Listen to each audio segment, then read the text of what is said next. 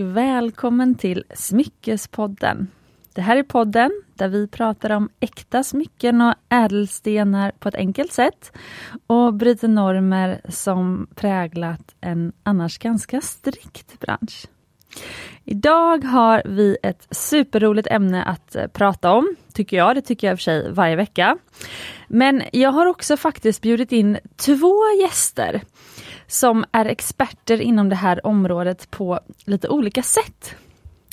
Jag eh, la ut på Instagram häromdagen faktiskt att eh, vi skulle ha ett avsnitt om ädelstenar.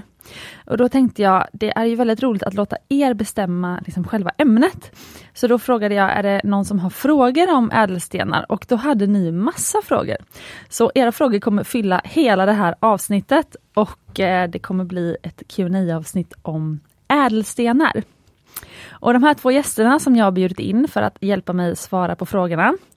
Jag tänker mig kanske lite som ett eh, runda bordsamtal. Jag kommer också vilja svara på lite frågor har jag insett. För det är ju jättekul. Jag är den enda som har läst alla frågor faktiskt. Så gästerna har inte riktigt, vet inte alla frågor. Men vi har i alla fall Johannes Orstadius som är ädelstensexpert och ädelstenshandlare. Han är på plats i studion. Välkommen Johannes! Tack så mycket! Jag känner mig som en gammal räv i det här laget. Ja precis, jag borde sagt välkommen tillbaka. För du var ju med förra året var du ju med i podden flera gånger och nu är första gången du är med i år. Jag börjar känna mig väldigt hemmastad. Ja, härligt. Och sen så har vi också Fanny Furå som är min kollega på Mumbai Stockholm. Och Fanny är eh, produktionschef hos oss och hon är också ansvarig för att eh, sourca, alltså leta upp och köpa in både de ädelstenar som vi använder i vår, vår vanliga kollektion och även liksom de här specialädelstenarna när man eh, skräddarsyr smycken till kund. Då är det Fanny som är ansvarig för det. Så jag skulle vilja kalla Fanny också för ädelstensexpert Fast kanske på liksom hur man använder ädelstenar och hur man kan tänka när man kanske kombinerar ädelstenar snyggt i smycken och sådär. Så välkommen Fanny! Tack snälla! Definitivt aspirerande ädelstensexpert. Jag ja. jobbar på det. Ja, du har ju sagt, jag har försökt boka in det på gemologutbildning nu i två år, men du, du vill ju inte ta ledigt från jobbet. men det, det är work in progress, jag, ja. snart så. Ja, och eh, en annan grej är ju att vi har ju en annan kollega hos oss som jobbat hos oss i fyra eller fem år. Och eh, det är Halina och hon är röstcoach också, förutom att hon är eh, liksom smyckesnörd. Eh, och eh, Fanny eh, ska ju nu gå en röstkurs hos Halina och öva sig lite nu i podden kan man säga. Ja men precis, få lite starkare stämma och mindre mummel. Ja. Och se hur det, vad resultaten blir sen. Precis, och jag har ju, nu tycker inte jag att du har en låg stämma och massa mummel, men i alla fall när man hör sig själv i en podd, det är ett väldigt bra sätt att liksom utveckla sin röst, har, har jag insett. Ja, verkligen. Det blev ju så, jag upptäckte massa grejer som jag inte tänkt på tidigare när jag lyssnade på avsnitten. Ja, för du har ju också varit med under förra året. Ja, två gånger. Mm. Så vi är ju nu gamla poddrävar kan man säga, som sitter här. Jajamensan. Men vad ska vi säga, ska vi köra igång med avsnittet kanske? Yes! Ja, kul.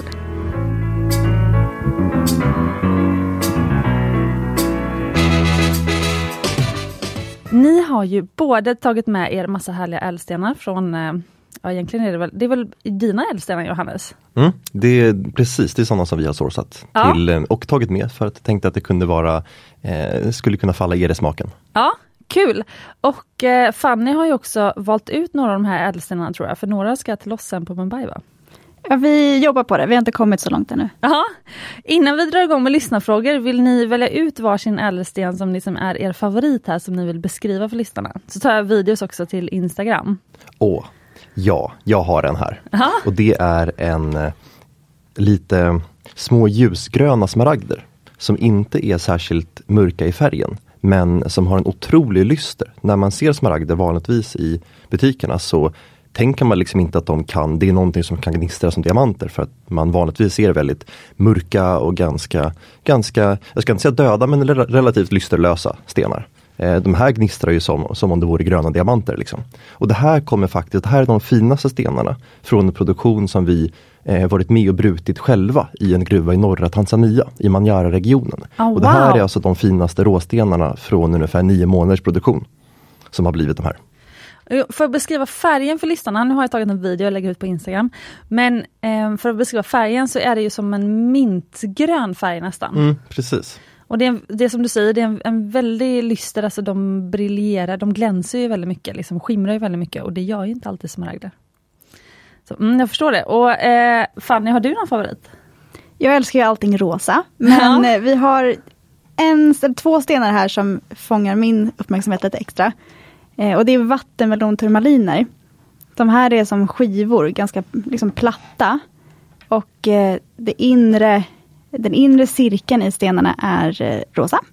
Och de yttre är eh, gröna. Och det är just därför de kallas för vattenmelonturmaliner.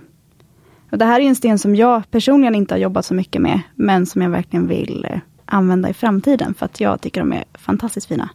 Och de har lite som inneslutningar, eller det ser ut som sprickor i stenen? Mm, men det är som jag förstått det är det ganska vanligt i just eh, vattenmelonturmaliner, för att man fokuserar mer på färgen.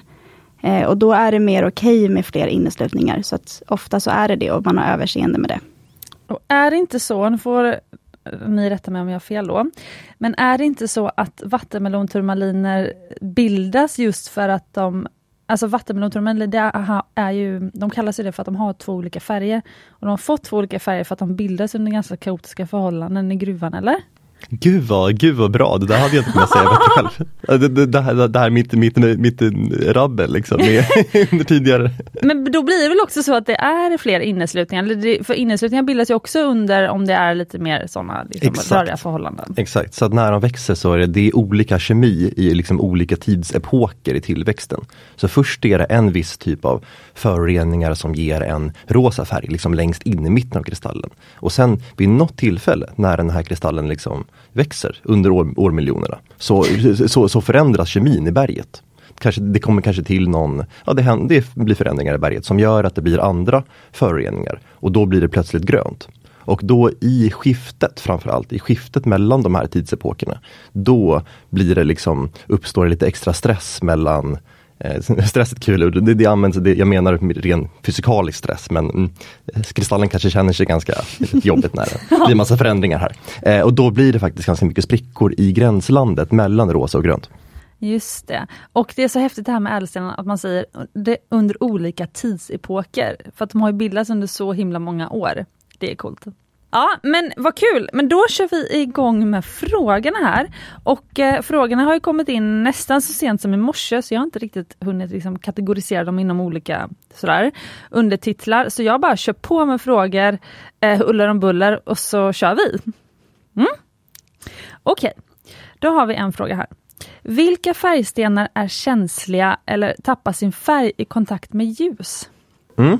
Den där är känsliga och tappar sig färre ljus är lite olika, är lite olika frågor. Eh, känsliga generellt vad gäller hållbarhet och sådär. Det är ganska, där får, där får man tänka ganska medvetet kring. Och där tror jag att Fanny kan svara ännu bättre sen. Vad gäller, ja, men om, om ni märkt att det kanske är vissa stenar som när man pressar in dem i en fattning kanske har lättare att, att eh, bli någon skada på eller sådär. Eh, men jag kan svara lite grann vad gäller djurkänslighet och sådär. Och det är inte ett lika stort problem som som, som liksom känsligheten mot stötar och sånt. Eh, ljuskänsligheten, där är det bara några få stenar som, som faktiskt har en tydlig känslighet. Eh, du, och ibland så hittar man även lite konstiga exempel där man inte riktigt kan förstå vad som, vad som händer. Jag vet att du Cecilia tidigare har upplevt några rosa opaler som på ett, ett mystiskt sätt var, blev, blev liksom ljusare. Och, men det finns vissa liksom mysterium. Dassiga ska jag säga, de blev, ja. istället för fint ljusrosa blev de nästan grådassiga.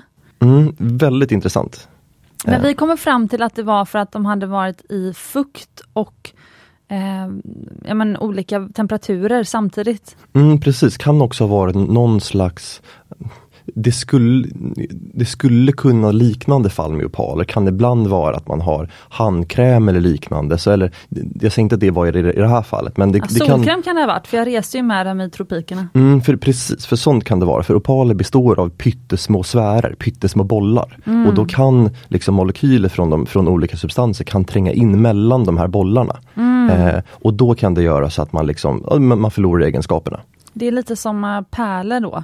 Ja precis, det är, det är alltså mellan 100 och, 100 och 800 nanometer stora pärlor. För som... Annika som är pärlexpert och har varit med på den, hon säger ju att inga kemikalier, ingenting i närheten av pärlor. Mm. Mm. Ja.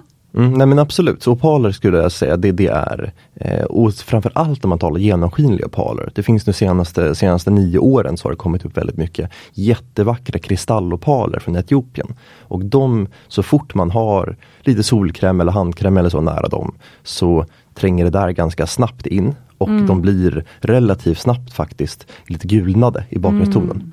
Så, så det där är någonting som kanske den här som, personen som ställer frågan med ljuskänslighet och sådär kanske inte tänkte på just när de ställer frågan men som också är en känslighetsfaktor. Eh, det här med kemikalier och just med opaler och pärlor och så.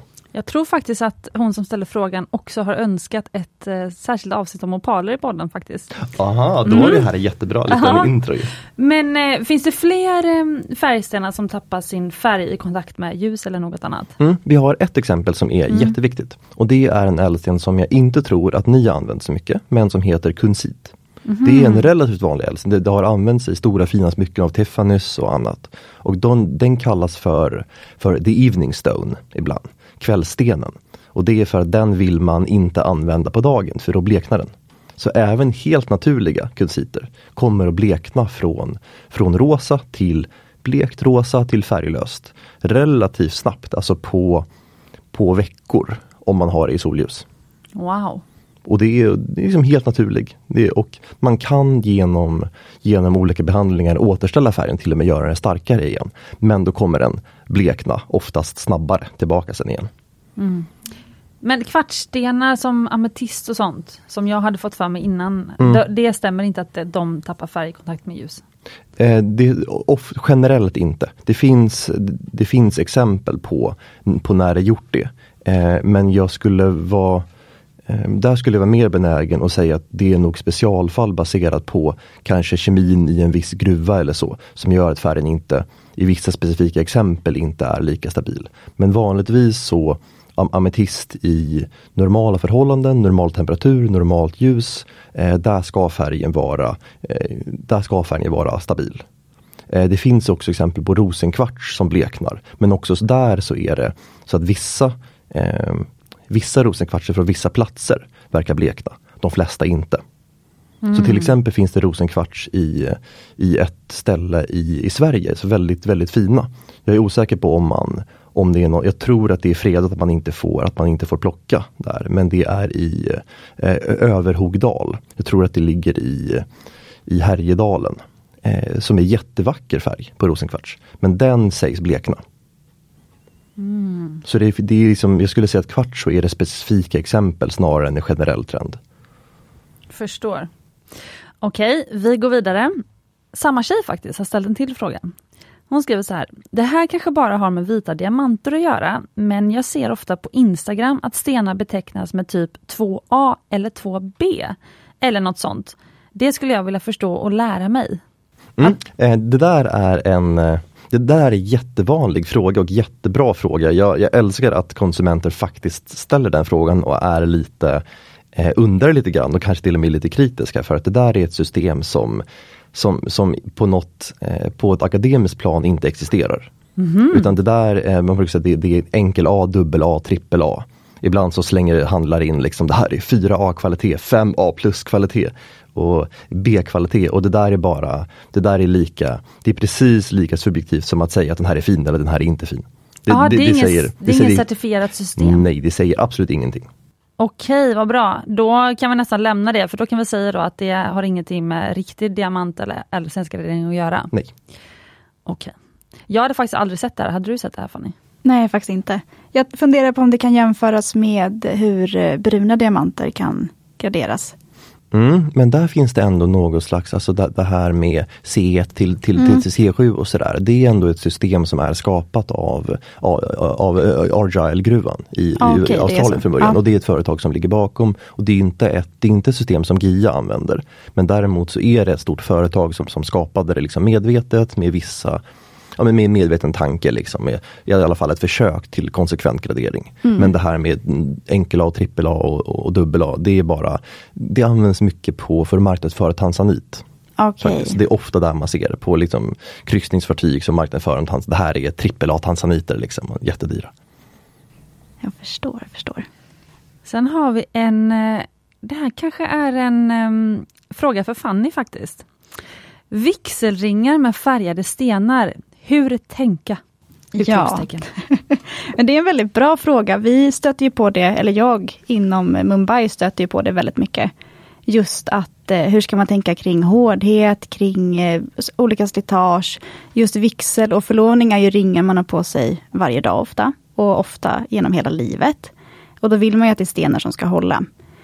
Jag brukar förhålla mig till det på lite olika sätt. Ibland så vill man ju ha en slit och slängring som man verkligen kan ha på sig varje dag och inte behöver fundera över.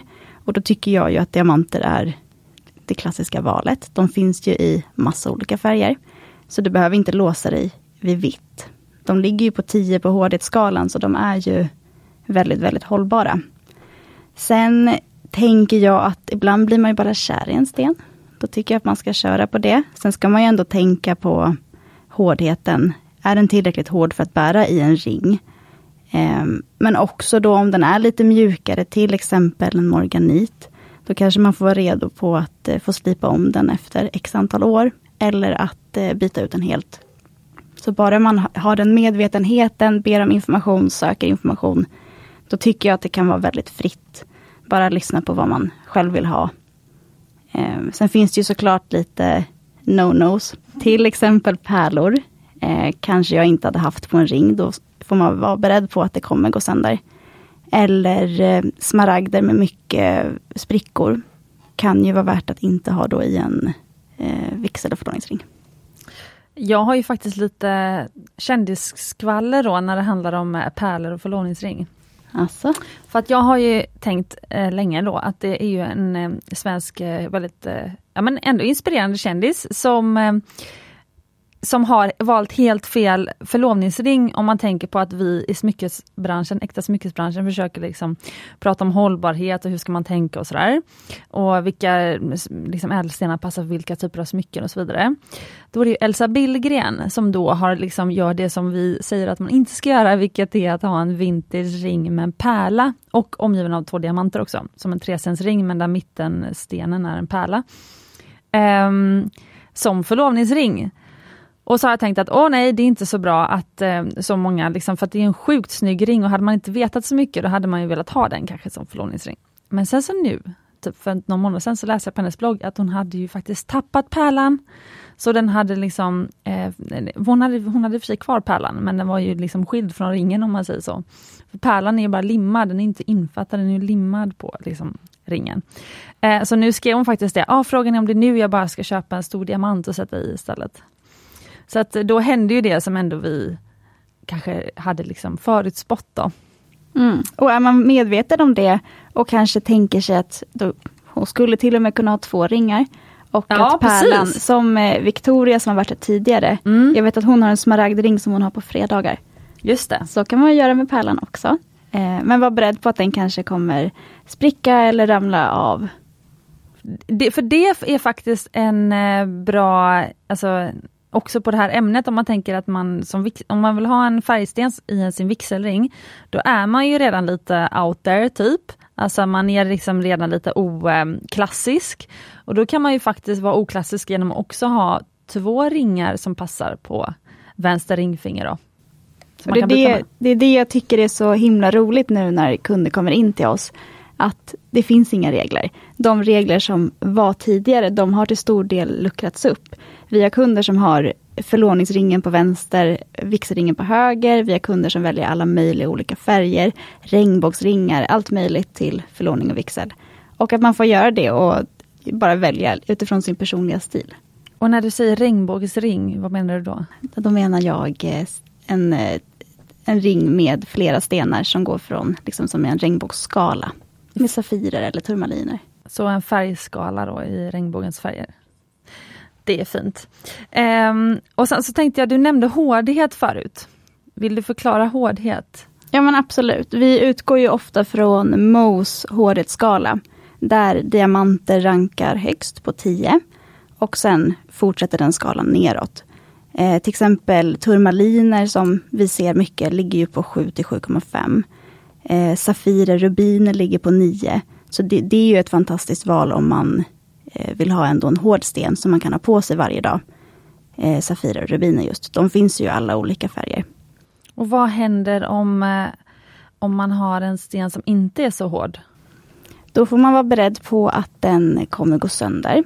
Och det kan ske på olika sätt. Vissa stenar är ganska eh, tuffa mot Eh, slag och kanske inte delar sig i bitar, men att de får repor på ytan. Eh, stenar kan ju också krossas på olika sätt. Diamanter ofta vid infattning till exempel, när de går sönder, då brukar de explodera. För de är så himla hårda så det krävs ett jättehögt tryck för att de ens ska gå sönder. Och då blir det bara som en explosion i tusen bitar. Medan andra stenar kanske bara liksom tappar, de kanske skivar sig och tappar en lite större bit. Och hårdheten är då att eh, de repar sig va? Korrekt. Precis. Ja. Eh, jag tänkte att eh, de som, om man vill lära sig mer om just hårdhet, då kan man ju faktiskt lyssna på avsnitt fyra av podden. Det var ju väldigt länge sedan nu. Men där har vi gått igenom, det, i princip hela det avsnittet handlar om Mohs hårdhetsskala. Och eh, där berättar vi att ungefär dammpartiklar i luften har ungefär hårdhet 7. Och därför alla stenar som har en hårdhet som är lägre än 7 är liksom kanske inte rekommenderade för varje dagsmycken för att de repas väldigt lätt. Där är till exempel även pärla med och opal och sånt, så de repas lättare. Och alla stenar som har en hårdhet på 7 och över, eller 7,5 typ. Ja, de som har hårdhet 7, de repas ju lite grann av damm också antagligen. Mm, men, inte, men inte mycket. Nej. Eh, men så att eh, från 7 och över är bäst för varje dagsmycken då generellt. Och där kan ju tilläggas att många stenar kan ju eh, ytpoleras. Såklart beroende på hur de ser ut. Så är det så att du får en repa på ytan så är det bara att eh, putsa till det efter några år. Just det, det är faktiskt bra också för att eh, det betyder att man kan välja, om man vet om det, att det blir lite hög maintenance eller alltså att man får ta hand om stenarna mer. Då kan man ju nästan välja vilken ädelsten som helst ändå. Ja, bara man håller lite utkik så att man inte väljer någonting som tenderar att spricka i tusen bitar. Eh, så gör din research, håll koll på vad det är du köper och var beredd på om du väljer en mjukare sten att du kanske kommer behöva ta hand om den lite mer, visa lite mer kärlek. Och fråga Fanny. Och fråga mig. Jag tänkte på det Johannes, det är väl hos er kan man ju lämna in stenar, alltså vi kan ju lämna in kunders eh, liksom ringar till er för, för att polera stenar. Mm, absolut, och det, och det är ingenting som, man, som vi gör åt, åt konsumenter på något sätt. Utan det är att vi jobbar tillsammans med er och andra designers och att vi tar in då vi, via er. Så om ni har en kund som behöver få en sten, som du sa, reparerad eller ompolerad så kan vi i, i så god mån det går med, med svenskt hantverk slipa de här stenarna eh, och försöka korrigera det som är fel. Så, ibland blir det bara polering på bordsfacetten längst upp, ibland blir det lite mer små reparationer när det har gått en liten flisa ur rondisten och ibland så blir det större reparationsjobb. Och det är ganska sällan, alltså oftast så kan man reparera det Även en skada som ser ganska stor ut kan man ofta reparera så att stenen bara blir lite mindre. Det är faktiskt någonting som man också då kan göra med lite äldre smycken, eller? Mm, absolut. Mm. Dock så måste vi ju alltid ta ut stenen ur ringen och där kommer ju in en liten risk eh, beroende på hur stenen är infattad och sådär. Och det där är ju ni bättre på än vad jag är. Men så är det ibland en hög risk att stenen kanske går sönder mer när man tar ut den ur, ur ringen och så. Ja, just det. För just ur och infattning är ju väldigt känsliga moment i tillverkningsprocessen. Och det är där många stenar går sönder. När de väl sitter så brukar man säga att då, då är risken över. Sen kan det ju såklart gå, gå sönder vid användning. Men just infattningsprocessen är väldigt, eh, sätter väldigt hög, högt tryck på stenen. Precis, och där vet jag att du är väldigt noga med oss att kommunicera det till kunderna. Ja, det är en viktig aspekt i det. Vi hade ju någon månad för några år sedan där det var hur många gröna stenar som helst som gick sönder. Då fick vi slipa upp tillsammans med Johannes och det var en, en pers. Så det, det, är viktigt att vara tydlig med det. Jag minns inte det här, så antingen så var det så jobbigt så att jag har förträngt det eller så, eller så var det helt okej. Okay. Det kan stämma. Okej, jag har en annan härlig fråga här. Färgsten som är underskattad. Båda räcker upp handen nu. vi har ett litet system här där Aha. vi räcker upp handen när vi vill svara. Eh, jag tänker ju spontant väldigt så flummigt, alla färgade stenar. Oh. diamanter är ju det klassiska valet. Aha. Och det kanske till och med är lite överskattat. Nu älskar jag diamanter men det finns så himla mycket fint att välja i färgväg. Så att jag tycker verkligen, jag uppmuntrar alla att gå in på internet och söka sig runt och se vad som finns. För att jag tror att det finns någonting till alla. Mm. Och min, min sten skulle nog vara otippat Safir. Oj! Ja, den är ju högt värderad. Men under så många år nu så har folk svarat på den frågan med spinell och krysseberyll och granater och jag håller helt med. Men, men jag tycker att, att Safir förtjänar ett litet svar där eh, också för det finns så många färger. Of course, blå känner alla till och den är kanske inte underskattad. Eh, men det finns så många andra roliga färger, alltifrån alltifrån lila till olika gröna nyanser till flerfärgade och det är, det är en sten som är så så bra i hållbarhet som Fanny sa nyss, HD9 funkar väl att använda i liksom, ringar till vardags. Eh, och ändå så finns det så många färger, så många liksom, varianter av Safir som folk inte känner till trots att det är den hårdaste och mest hållbara färgstenen. Så där är mitt svar. Jag håller nog helt med för att det som är också med hårdhet Hårdhet har ju många aspekter men det som är också är ju ljusreflektionen. Alltså eh, både diamant som är extremt hård men också då Safir och Rubin som har Safir och Rubin och samma hårdhet, eh, näst efter diamant. Men de gnistrar, de har en enorm ljusreflektion. För att man slipar, alltså, jag vet inte om det är att deras facetter, alltså de här små slipytorna, blir så skarpa för att eh, stenen är så hård att liksom de bara reflekterar ljus så himla bra. Men det är någonting med ljusreflektionen som är enorm på Safir tycker jag. Som nästan är i klass med diamant. Eh, men det blir inte Safir. Alltså så när jag skapar smycken till mig själv, om jag väljer ut stenar från dig kanske och skapar något smycke i ateljén. Jag älskar ju, alltså Safir är min go-to-sten för att jag vet att i smyckeslådan så är det de som gnistrar, de färgstenarna som gnistrar mest.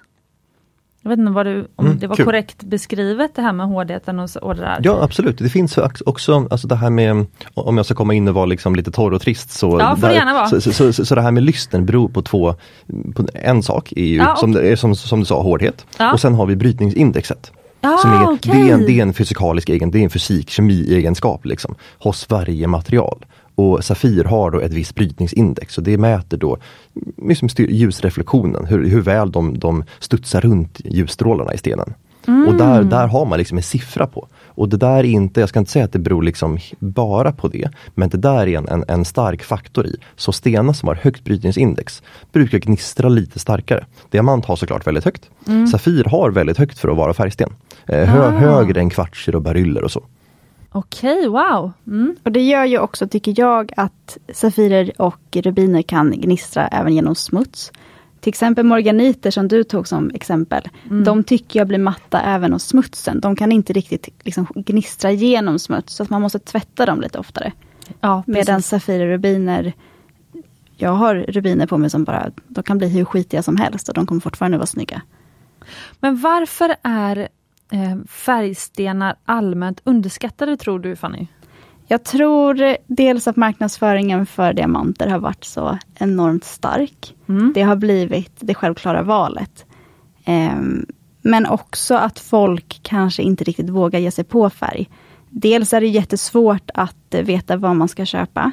Hur ska man tänka kring hårdhet? Det är inte bara hårdheten man ska tänka på, utan det är också spaltbarhet och liksom alla andra aspekter. Oj vad tekniskt det blev nu. ja men hur, hur det går sönder, eh, alla sådana detaljer. Som man kan fråga dig om eller den guldsmeden, stenexperten man går till. Precis. Mm. Men just att det kanske har varit svårt att eh, få tag på den informationen. Och då är det lite mer en djungel, det är svårare att veta vart man ska börja. Och då är det ju enkelt att köpa diamanter, tänker jag. Precis, men sen tänker jag också på en grej. För att du själv, eh, nu om jag tittar på dina smycken, egentligen jag ska fota dina händer, kan jag lägga ut här. Men du har ju, eh, nu har du sex ringar på dig. Kan du inte beskriva vad är dina smycken? Just idag, jag har bara på mig en färgsten egentligen. Och det är en eh, rubin. Resten är faktiskt antingen släta guldringar eller diamantringar. Sen har jag mixat eh, vita diamanter och champagnediamanter. Så att jag har en del eh, ja men, champagnediamanter, det är ljust beigea diamanter. Som ger lite vintagekänsla på det. Jag gillar ju väldigt mycket sparkle, så det är mycket små diamanter som gnistrar här. Eh, däremot så för mig har det varit viktigt att bygga just den här basgarderoben med mycket diamanter. Och nu håller jag på att bygga vidare med färg. Så att min nästa ring blir faktiskt en Safirring. Med en rosa liksom, eh, gradient. Åh, oh, är det din vår... Eh, Okej, okay, wow vad kul! Mm. Okej, okay, han håller på att skapa sig en vårring här nu. Um, för att det jag tänkte på var när du gjorde din, eh, din det var ju väldigt intressant för övrigt att höra det här att du först tänkte att du skulle bygga basgarderoben med lite så diamanter och, och sådär. Och sen så att du nu adderar färg. För det tycker jag också är väldigt bra sätt att liksom börja sin smyckesamling med. För om man börjar kanske med en, ja vi säger en eh, lila Safir, då kanske det beror lite på vad man bär för kläder och sånt eh, i övrigt. Men det kanske är så att man liksom då ibland inte vill bära sin lila Safirring för att den kanske inte passar till det man har på sig eller något sånt där. Alltså om man vill ha en varje dag-ring så är ju en, så en neutral färg bra. Man, det är ju samma sak som om man tänker att ska du välja en tröja på dig varje dag för resten av ditt liv, kanske man väljer en vit bas, vitt baslinne eller något som man kan liksom sen stasha upp så mycket man vill. Eh, men jag bara tänkte på det när du adderade din röda rubinring. Det är ju en eh, 0,10 karat som en 3 mm eh, röd rubin och så är den dekorerad som en liten solitär som sticker upp om man säger. Och sen så är den på bandet är den dekorerad med champagnediamanter va? Ja. Eh, men du ångrade dig nästan när du fick den från studion. Precis, och jag tänkte säga det att ja. även idag så tvekar jag inför färginköpen för att jag tänker att men tänk om jag tröttnar på rosa eller rött och ångrar mig. Och tänk om jag helt plötsligt börjar bära jättemycket orange eller något och då vill ha det istället. Um, och just när jag fick den här rubinen, jag kunde inte placera vad det var. Jag har insett i efterhand att det var ringstorleken, den satt på fel finger. Ah. Uh, så jag älskar ringen nu, nu är det den första ringen jag sätter på mig. Ah. Men första gången jag såg den så blev jag lite tveksam. För att när man ser någon som bär smycken, då är det första man dras till, eller mina ögon dras till, är ju färgädelstenen. Det är ju inte diamantringen som man bara wow, liksom ofta. Beror på hur stor diamanten är. Ja, det är sant för sig. men jag tycker mer att så här, diamanter och sådär ger ju liksom, ja men det ger lite lyx och flärd och liksom, ja men vad härligt liksom. Eh, och typ som eh, jag hade några kompisar på besök i helgen och så hade jag bara på mig, det jag har på mig idag faktiskt, svart linne och svarta leggings. Och så bara, oj vad du ser så här eh, stil, tjusig ut, eller något sånt där, fick jag så kommentarer när typ kompisarna kom in. Och det var ju för att jag hade så här stora chunky guldarmband, jag hade guldhalsband, jag hade lite diamantringar. Alltså om man liksom klär upp med guld och diamanter, då ser man ju ut som så first class med en gång. Liksom. Absolut, men det är ju färgade stenarna som blir lite tuffa. Och blir lite, jag tänker att ja, min röda är en powerring. Ja men det är den, för det var ingen som kommenterade mina smycken. Ah, De bara okay. kommenterar liksom Ja, min aura då. Din lyxaura. Ja, precis. Men om man har på sig, har jag på mig min rosa stora markislipade Safir, då är det ju ringen folk kommenterar. Mm. Liksom. Ja men det är väldigt sant och eh, det är ju den röda som jag oftast får kommentarer på. Ja det är det? Absolut. Okej. Men det här är super då, för det är väldigt bra att du har erfarenhet av att du till och med själv tvekar när du väljer färgstenar, för då vet du också hur du liksom ska guida kunder och lyssnare och sådär. Ja men precis, och det, för jag tror att det känns som ett lite större steg, ett lite större liksom, hopp att ta en färgad sten. Sen vet ju jag vilka färger som brukar funka för de flesta. Mm. Och den allra vanligaste färgen är faktiskt grönt hos oss. Ja, den är så poppis. Ja, och det är många olika nyanser av grönt. Så det är både olivgrönt, det är mörkgröna turmaliner som ofta har en lite skogsgrön eller lite blågrönaktig mörk färg. Eh, och även för mig, grönt är inte min favoritfärg eh, till vardags, men det är ofta gröna ringar jag dras till. Mm. Jag tänker att det kanske har någonting att göra med att det finns i naturen, man ser mycket grönt, det känns som en trygg färg. Ja absolut, tror jag. Vad säger du Johannes? Det här det är superintressant, det här, det här, med, det här med svåra valet, att det är liksom en lite högre tröskel. Alltså det, det ligger nog verkligen någonting i det. Jag tror att någon, en anledning till varför man säger att färgstenar är liksom underskattat och att det inte är så många som, som vågar gå in på det riktigt, är det här curse of choice. Att man känner att det är ett, det är ett stort val och man behöver liksom välja verkligen sin färgsten. Och jag tror att där, där kanske är en kärna av varför man ser så pass få fortfarande. Och kanske framför allt, för om vi spolar tillbaka tiden 20-30 år, så fanns det inte lika många liksom lite mer eleganta nedtonade peach, ljusa peach-safirer och morganit och liksom dovare gröna som har hjälpt till att liksom få in färgstenar i att bli blir väldigt bärbara. Alltså, eh, eh, att man liksom kan ha på sig det till vardags till lite vad som helst. Utan det var ganska mycket fokus på starka blå, starka gröna, starka röda nyanser. Safir, rubin och, och smaragd. Och jag förstår att det kan ha varit liksom ett ett steg att man kanske ville ha det till bara till vissa kläder, till vissa fester om det är en så stark färg. Men att det där börjar gå över lite grann nu när det kommer upp så många färgstenar som är så, in, behöver inte vara så starka, man måste, man måste inte göra ett så starkt val. Liksom. Och, så det är väl en, en aspekt till att det liksom börjar till att jag hoppas att det börjar gå över lite grann, det här, liksom, den här starka tröskeln.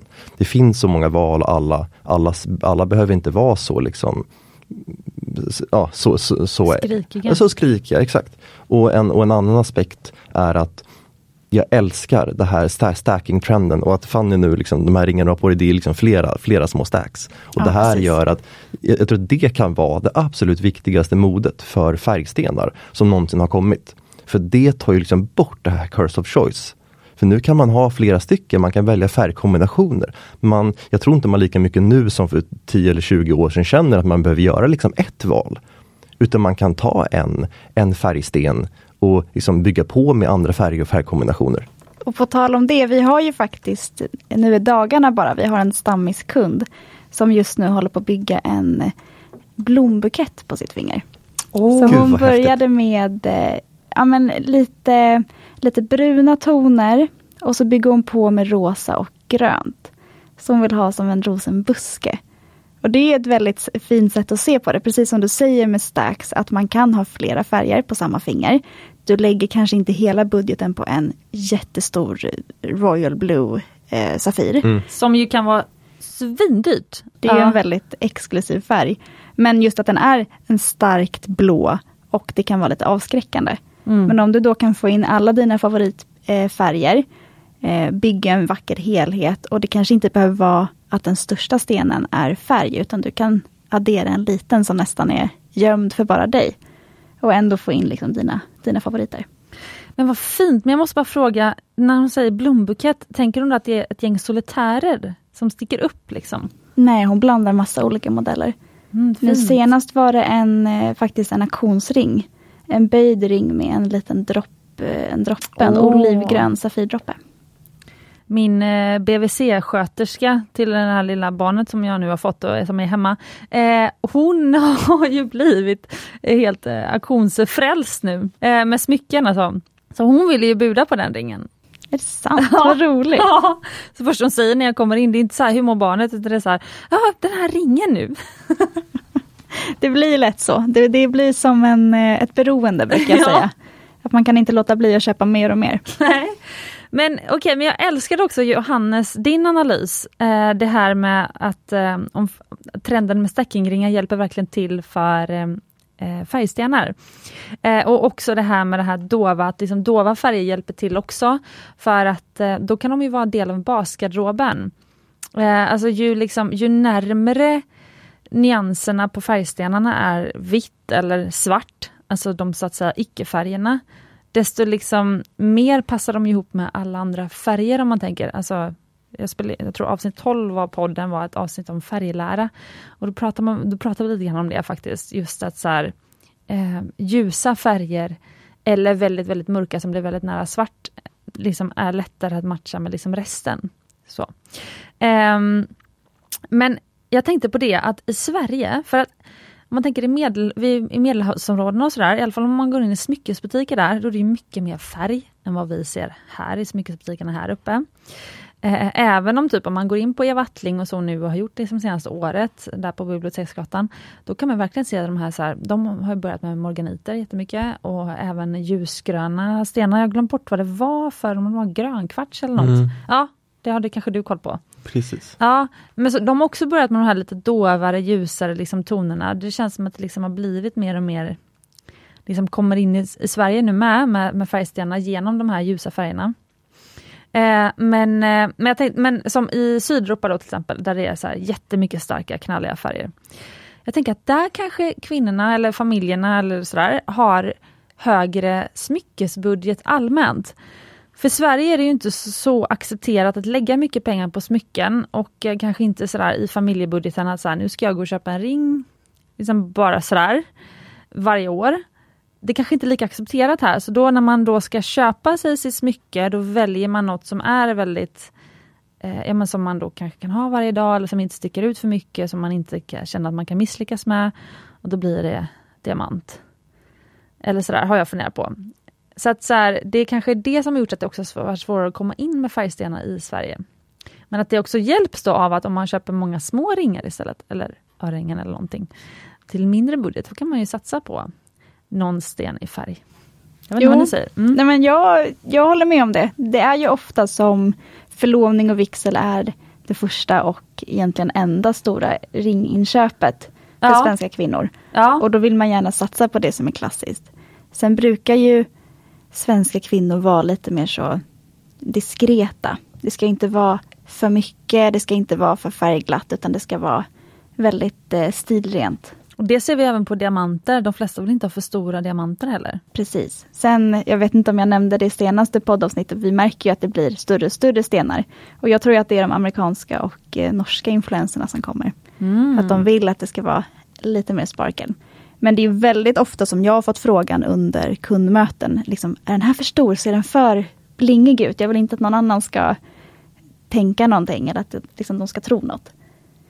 Så det är väldigt vanligt att man får höra det.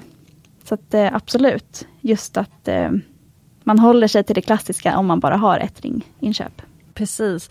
Och sen ska jag säga att vår erfarenhet kommer lite grann av att de flesta av våra kunder blir kunder runt 25 års ålder kanske. Det kan vara att man har liksom följt kanske då det smyckesmärket du och jag jobbar på, Mumbai Stockholm, på Instagram ett tag och sen så äntligen tar man sin juristexamen och så köper man sin första ring. Men det kan också vara att så här, det är inte, det är inte sällan som en kille kom, liksom mejlar oss eller eh, ja, hör av sig till oss och säger liksom om jag vill fria till min tjej och det enda jag vet är att hon vill ha en Mumbai-ring. Alltså hon kanske har följt länge men inte haft anledning att köpa liksom något smycke till sig själv. Så att vi kommer ofta i kontakt med kunderna ofta just vid, som en första liksom vid förlovning och sen blir det vigsel och sen kanske när de får sitt första barn. Alltså man följer ju liksom, som smyckesmärke har jag märkt att man ofta följer sin kund under livet. Liksom. Och som jag hade en, jag har en familjevän där dottern tog studenten och då fick hon sitt första Mumbai-smycke. Hennes mamma som är ja, men 60 plus, eh, hon, eh, hon har ju redan liksom smycken som hon samlat på sig genom livet. Liksom. Och hon sa det, liksom, men jag kan ju inte börja liksom, med en bajring nu, det är jättefint liksom, och, och jättefint på min dotter men så här, jag har de här två smyckesmärkena, om det var Ole Lindgård och ja, ett till smyckesmärke, jag glömde bort vilket det var. Som liksom hon, och det är, där, det är därifrån hon adderar sina liksom smycken fortfarande. Så man följer ju liksom sin kund Medan hennes dotter kanske kommer att vara en Mumbai-tjej och något, kanske adderar något till smyckesmärke genom livet. Liksom. Ja. Man hittar sin favorit. Jag har ja. svårt att eh, inte välja Mumbai nu faktiskt. Ja. Men jag har ju också chansen att vara med och påverka vad som lanseras, vad vi fokuserar på. Ja men du kan nästan designa dina egna smycken hos oss. Det är en väldigt stor eh, innest att få ja. kunna göra sånt, det är väldigt lyxigt. Men eh, det är väldigt svårt, tycker jag, att titta på andra märken nu och inte tänka, ja men jag hade nog ändrat det här. Ja. Det här kan man faktiskt fixa själv. Det blir lite klurigt på det viset. Ja. Okej, vi går på nästa som faktiskt är lite liknande det här ämnet vi just pratat om. Vad är nästa heta färgstenstrend? Vi har ju kanske lite, ja Johannes? Mm, jag tror att det är eh, att man börjar acceptera lite mer som man tidigare har kallat liksom eh, imperfections. Mm. Och inte nödvändigtvis inneslutningar utan det kan vara att stenar är eh, lite dimmiga.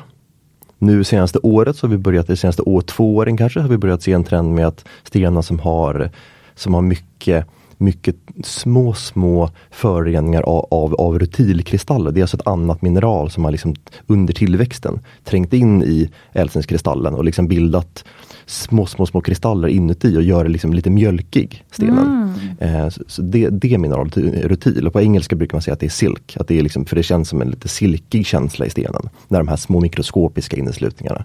Den lilla mjölkigheten har man tidigare försökt att alltid värma bort. Så det är en inneslutning, det är en anledning till att man nästan alltid värmebehandlar Safirer. Det är inte så att de blir från jättedålig kvalitet till jättehög kvalitet, men att man försöker att liksom smälta de här små rutilkristallerna som är mikroskopiska inne i stenen så att det blir lite klarare. Eh, och det där har jag sett en trend de senaste åren att det där vill man, i, i, i, vill man ibland inte göra längre för att man tycker att det är vackert med den här lilla med en dimmighet helt enkelt. Och för mig så är det ett tecken på, man till, till och med vissa namn kallar opalescent. Att det, mm. Opalescent när det är liksom, man får nästan som ett litet sken. I dagsljus så kan det här mjölkigheten liksom ge men nästan lite så här glow. Nästan. Alltså det, det, är en, och det, det, är en, det är en cool trend. Det är en cool trend för att det visar att det börjar man börjar acceptera lite inom citationstecken konst, konstigheter liksom i stenarna. Och Jag tror att steget är ganska litet till att om några år börja se på inneslutningen på ett annat sätt och inte kasta bort de stenarna. Utan att se liksom att, mm, kanske inte liksom sprickor som påverkar hållbarheten, men att vissa inneslutningar som man egentligen kanske tycker är ganska fascinerande, kanske folk kan börja se på, på lite, lite andra ögon och se inte bara det här stenen klassas inte som, som VS, gud vad, då vill jag inte ha den, utan faktiskt kolla lite noggrant. Det här är ganska, det, det är liksom som ett unikt, unikt signalement för den här stenen. Och om man ska vara ärlig ser det ganska coolt och lite vackert ut. Mm. Men jag tänker att det är dels amerikanska trenderna igen, ser vi ju till exempel salt och peppardiamanter. Och det känns ju, eller eh, tvåfärgade stenar. Det känns som att de redan är på G med det och de brukar ju ofta vara trend, trendsättare.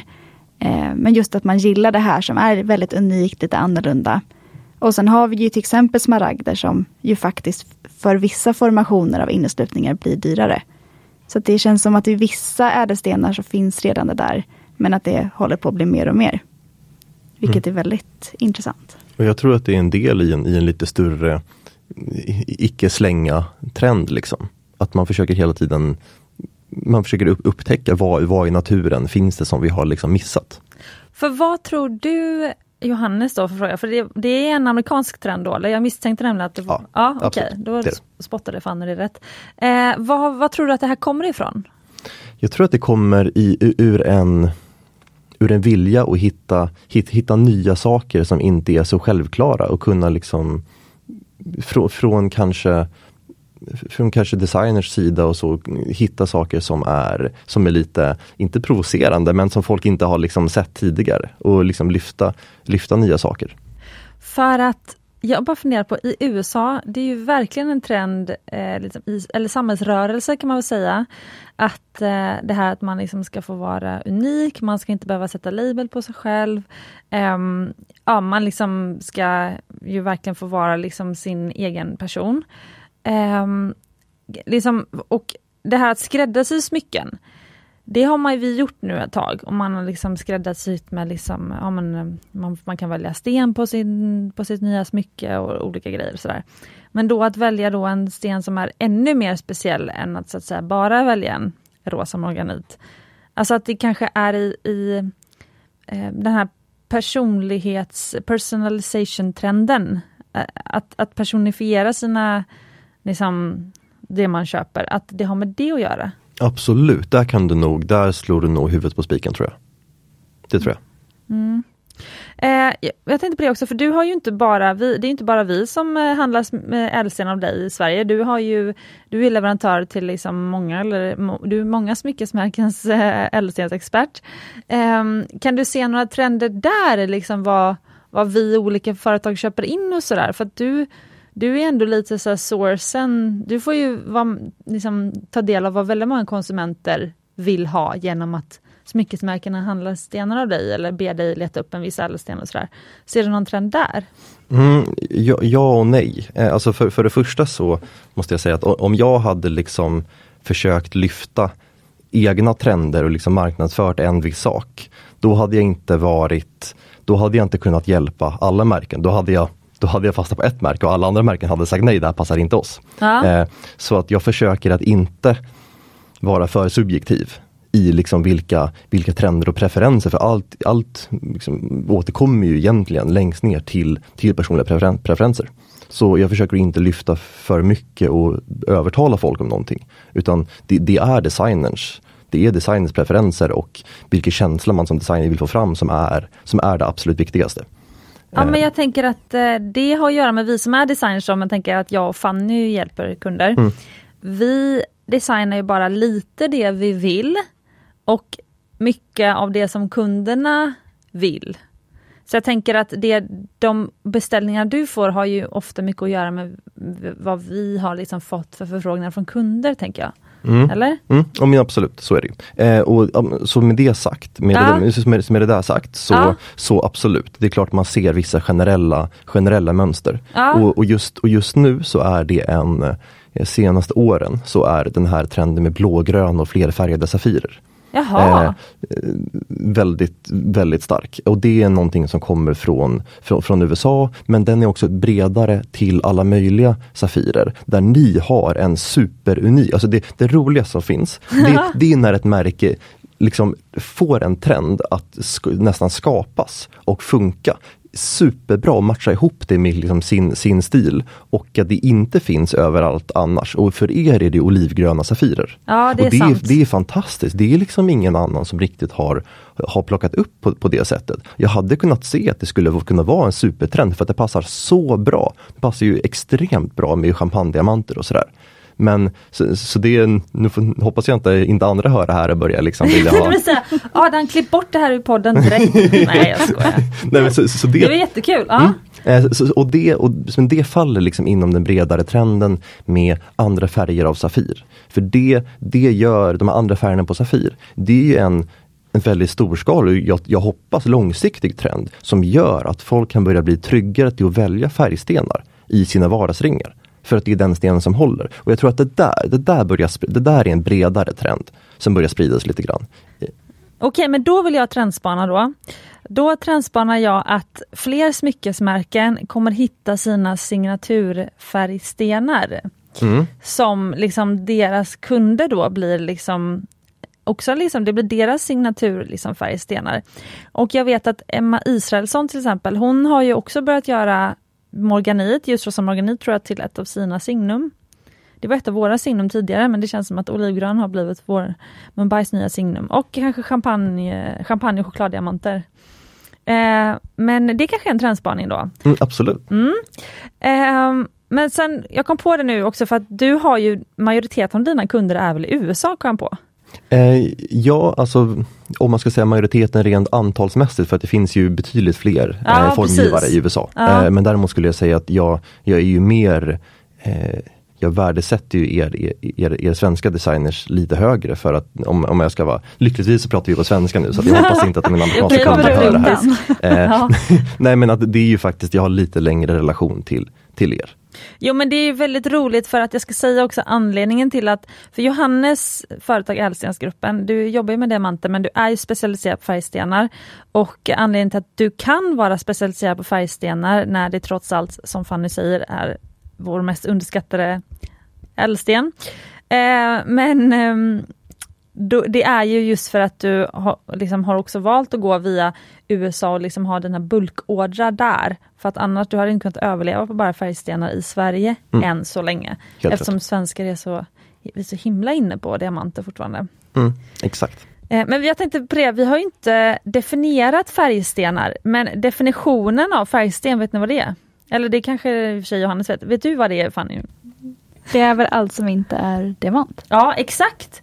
Vilket är helt sjukt på ett sätt. Men i Nationalencyklopedin så står det faktiskt det att färgsten är alla ädelstenar som inte är diamant, vilket är hur många som helst. Vilket är helt sjukt på ett sätt. Massa valmöjligheter. Ja. Inklusive vita safirer och annat. Liksom. Um, men Fanny, svarade du på vad du tror nästa heta trend är? Nej, det gjorde jag inte. Nej. men eh, sett från oss så tror jag, precis som Johannes nämnde tidigare, att eh, pastellfärger fortsatt kommer vara växande. Mm. Vi säljer ju väldigt mycket pastelligt. Sen är det ju lite grann mörkgrönt, eh, ibland mörkblått. Lite starkare färger. Men pastell är ju sånt som har gått hem, fortsätter gå hem. Mm. Så där, det tror jag kommer fortsätta växa. Sen har jag också sett av det här med flerfärgade safirer eh, och just att det ska vara så unikt som möjligt. Och det känns ju inte som att det håller på att stanna av. Utan det bara växer och växer. Och det hör ju vi också från kunder. Att man säger, jag vill inte ha en tråkig diamant, jag vill ha någonting annat. Mm. Och att det ska vara så unikt, så unikt som möjligt. Men visst är det viktigt det här med pastellfärgerna och att det funkar, med närm det ligger närmare basgarderoben. Och att det kan hjälpa till fler att få upp ögonen för färg. Verkligen. Jag höll helt med dig när du sa det att det är verkligen spot on. Och jag känner ju det själv. Jag lutar jättemycket mot ljusrosa och snälla färger. Och även champagne-diamanter har ju varit lite grann en inkörsport för många kunder att välja, välja bort från det vita. Ja, precis.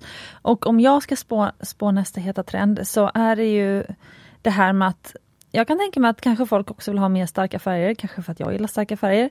Eh, men eh, men eh, det här att diamanter, för jag tänkte på det också med din egen när du pratade om dina smycken och att du byggde upp med diamanter och champagnediamanter först innan du började göra färg. Det är just det här att diamanter och champagnediamanter, de har en förmåga att eh, verkligen lyfta fram färgstenar. Så när jag som designer designar smycken med färgstenar, jag designar nästan alltid med någon form av vit diamant i samma smycke som färgstenen sitter i för att det bara får, det här vita får färgen att poppa. Eh, och ibland om det är tänkt att vara en stackingring däremot, som kanske en, ja nu blir det lite Mumbai-internt, men en mini-Brigitte-ring, du kan googla upp den ringen. Eh, då kanske vi har gjort en jättesöt, vet jag att du gjorde till auktion Fanny, som var med helt i olivgröna safirer. Och det är en sån här ring som är perfekt att bara lägga i mitten av en stack. Liksom. Men då kanske man stackar upp den med något vitt eller liksom något sånt som liksom får de här olivgröna att poppa.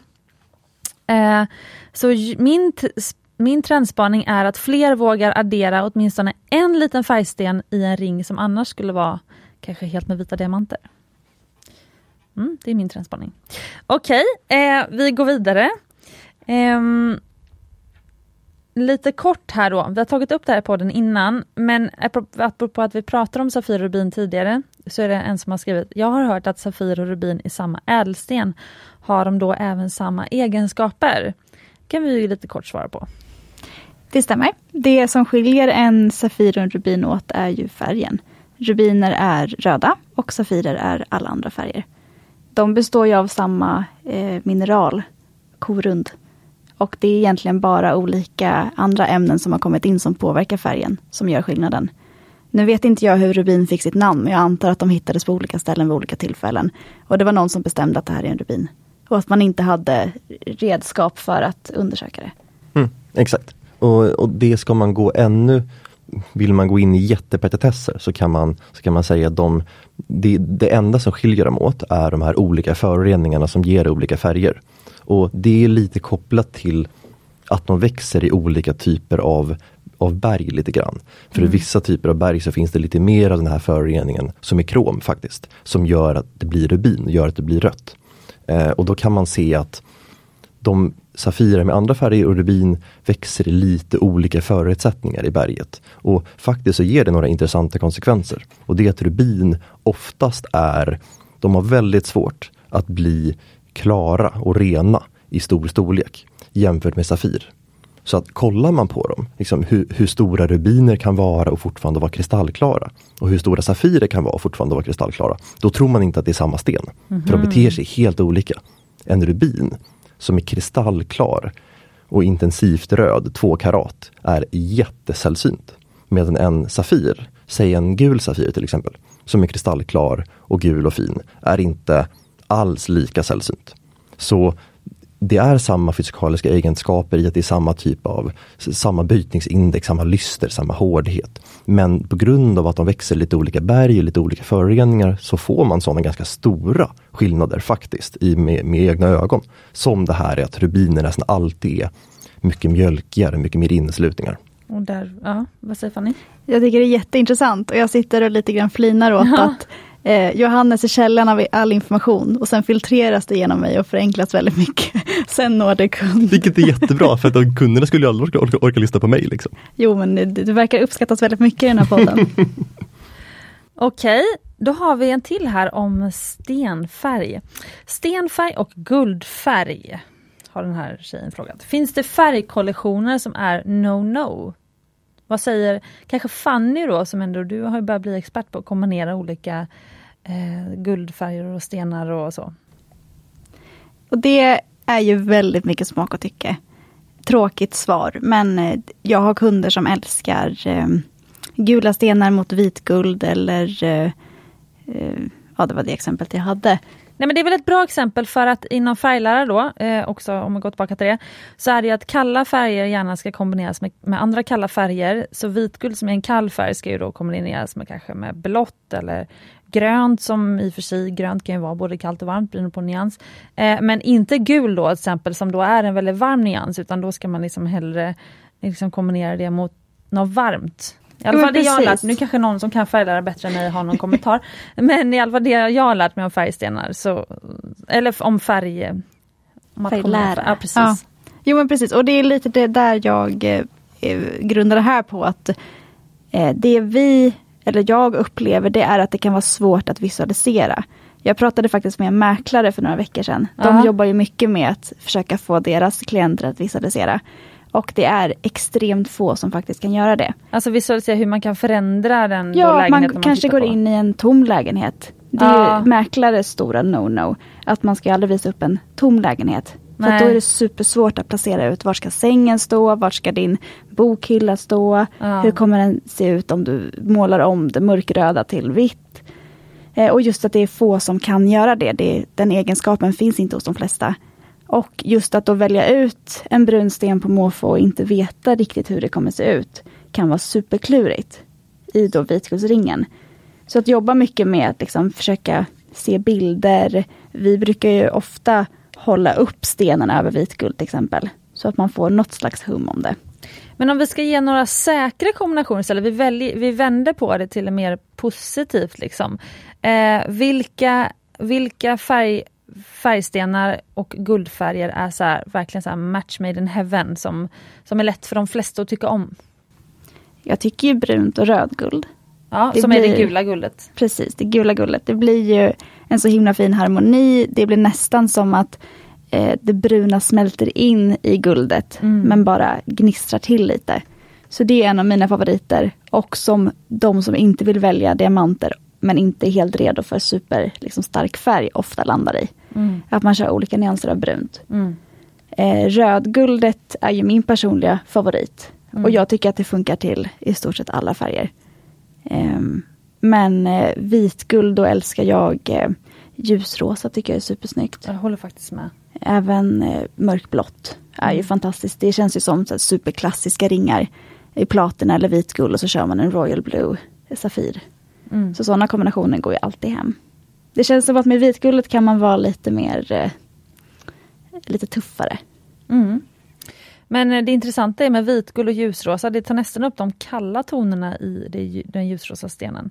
Jag tycker också det är supervackert. Eh, men sen måste jag ändå nämna då roséguld som är det här rosa guldet. Roséguld och champagne och roséguld och olivgrönt. Och även lavendel. Ja, ja just det, exakt. Ja. Roséguld och ljuslila. Gud vad det är snyggt. Det är väldigt, väldigt fint. Mm. Har du någon kommentar på det här Johannesa? Jag tycker att ni, ja. ni sköter det alldeles utmärkt. Ja, härligt. Um, en annan tjej har frågat, hur ska man tänka när man kombinerar? Har vi svarat på det kanske? Eller? Kombinera färger? ja, det, vi får tolka det fritt här. eh, även där, försök hitta helheten. Du kanske inte vill ha en orange och en, eh, vad ska vi dra till med, en röd på samma finger. Men gillar du dem, är det dina två favoritfärger, då har du ju faktiskt tio fingrar, du har två händer. Du kan ha en ring på vardera hand.